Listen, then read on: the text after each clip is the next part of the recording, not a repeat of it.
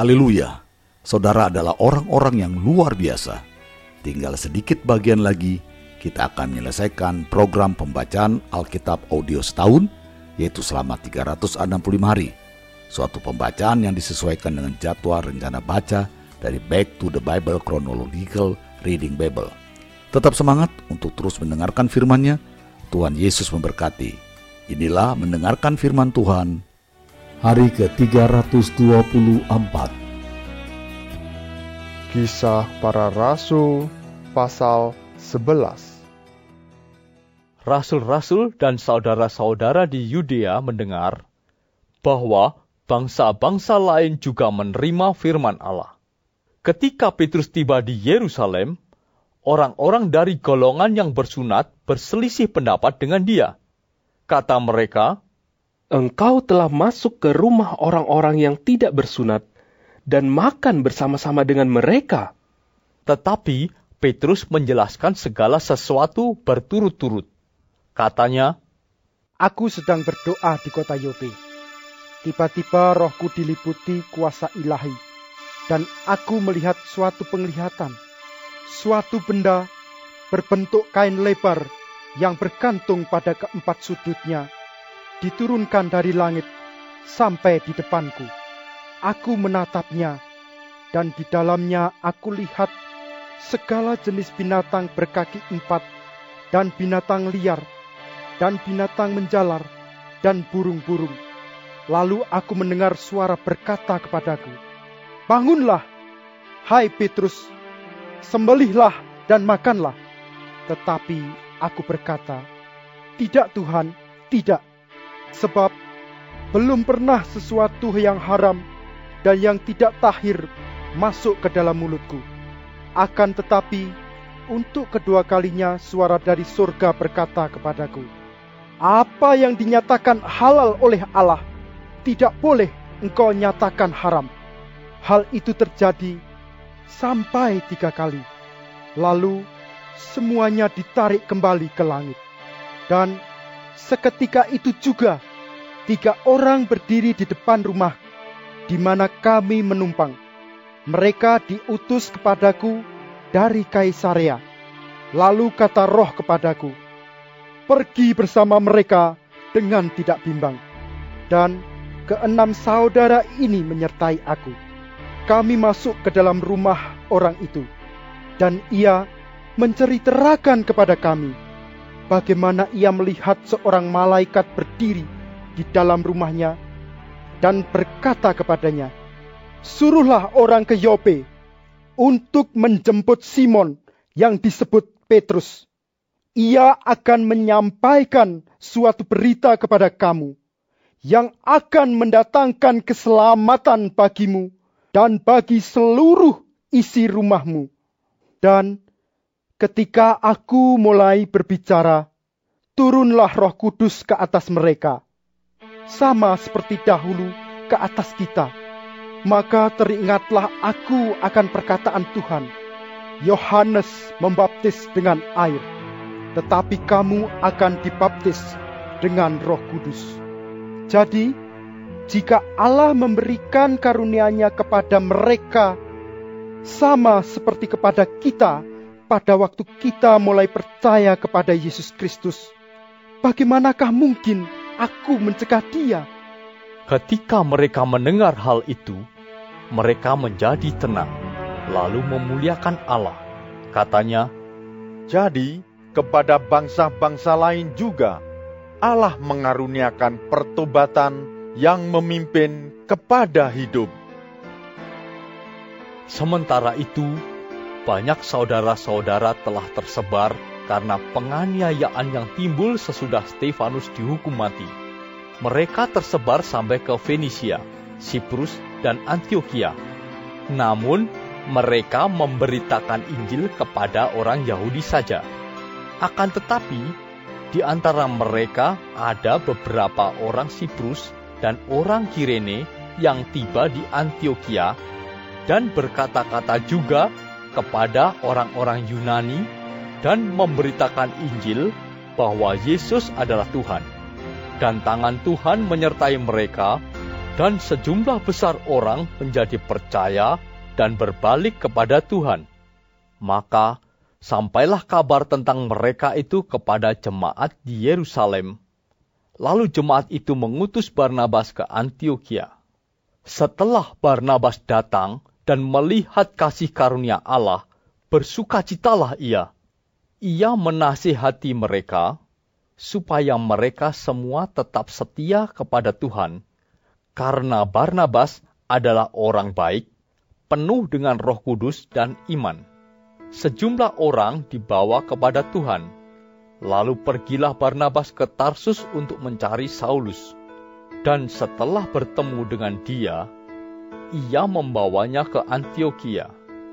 Mereka tinggal bersama-sama dengan jemaat itu satu tahun lamanya, sambil mengajar banyak orang.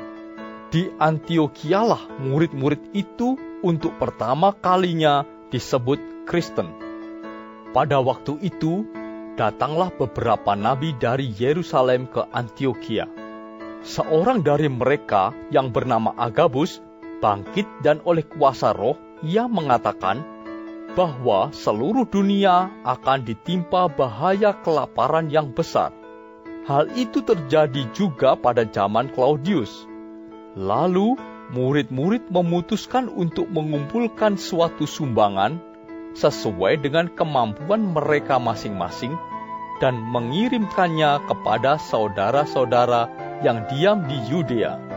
Hal itu mereka lakukan juga dan mereka mengirimkannya kepada penatua-penatua dengan perantaraan Barnabas dan Saulus.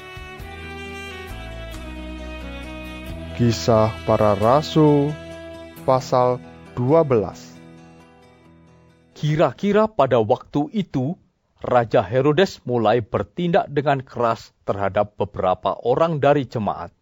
Ia menyuruh membunuh Yakobus, saudara Yohanes, dengan pedang. Ketika ia melihat bahwa hal itu menyenangkan hati orang Yahudi, ia melanjutkan perbuatannya itu dan menyuruh menahan Petrus.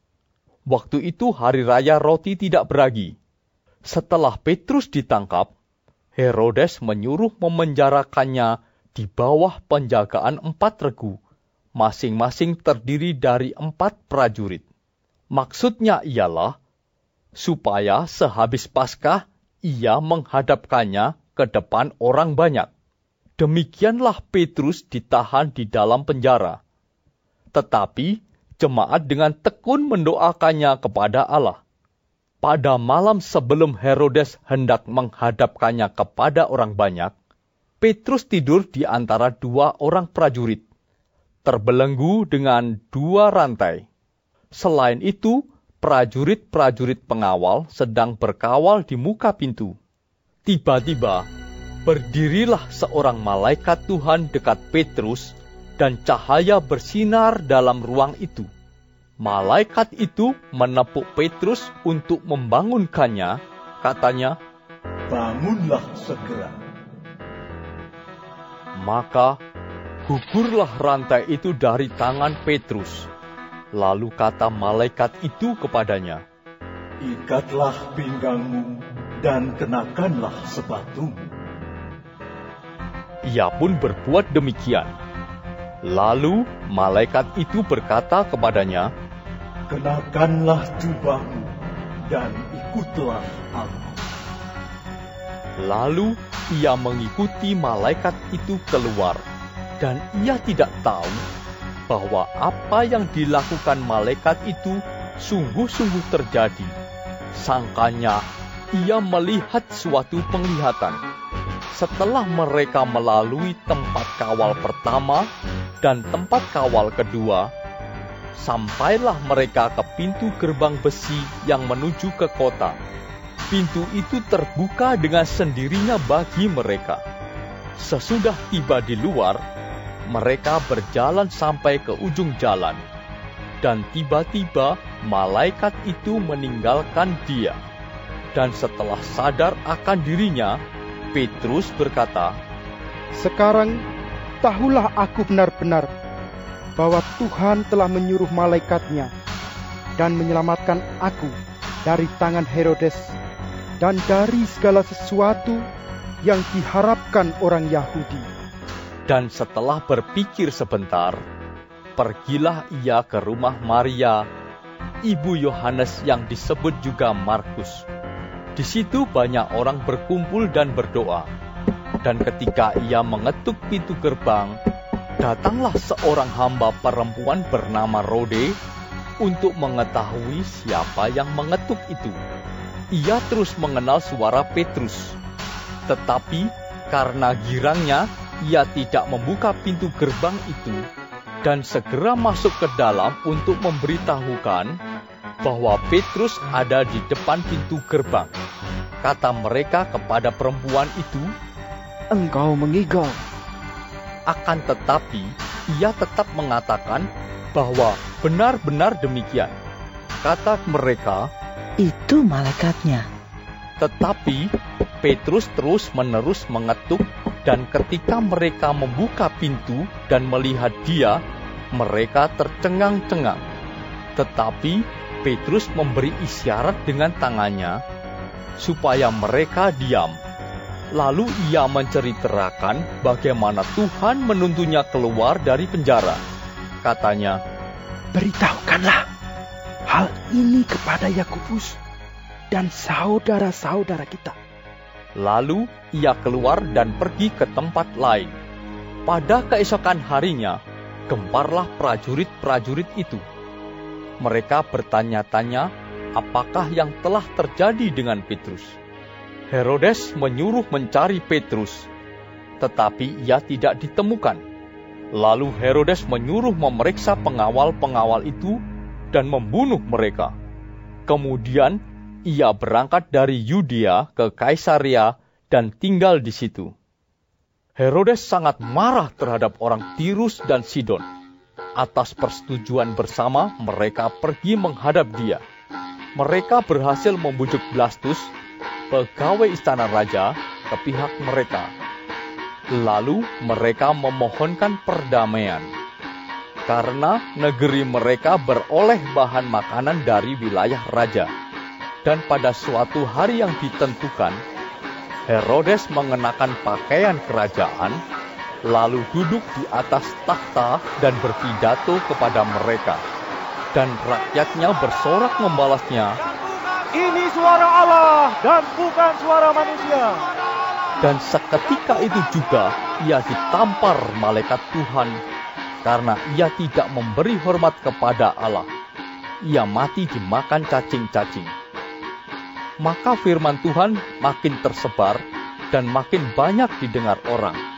Barnabas dan Saulus kembali dari Yerusalem setelah mereka menyelesaikan tugas pelayanan mereka. Mereka membawa Yohanes yang disebut juga Markus Tetap semangat untuk terus mendengarkan firman-Nya.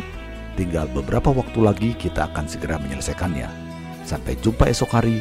Tuhan Yesus memberkati.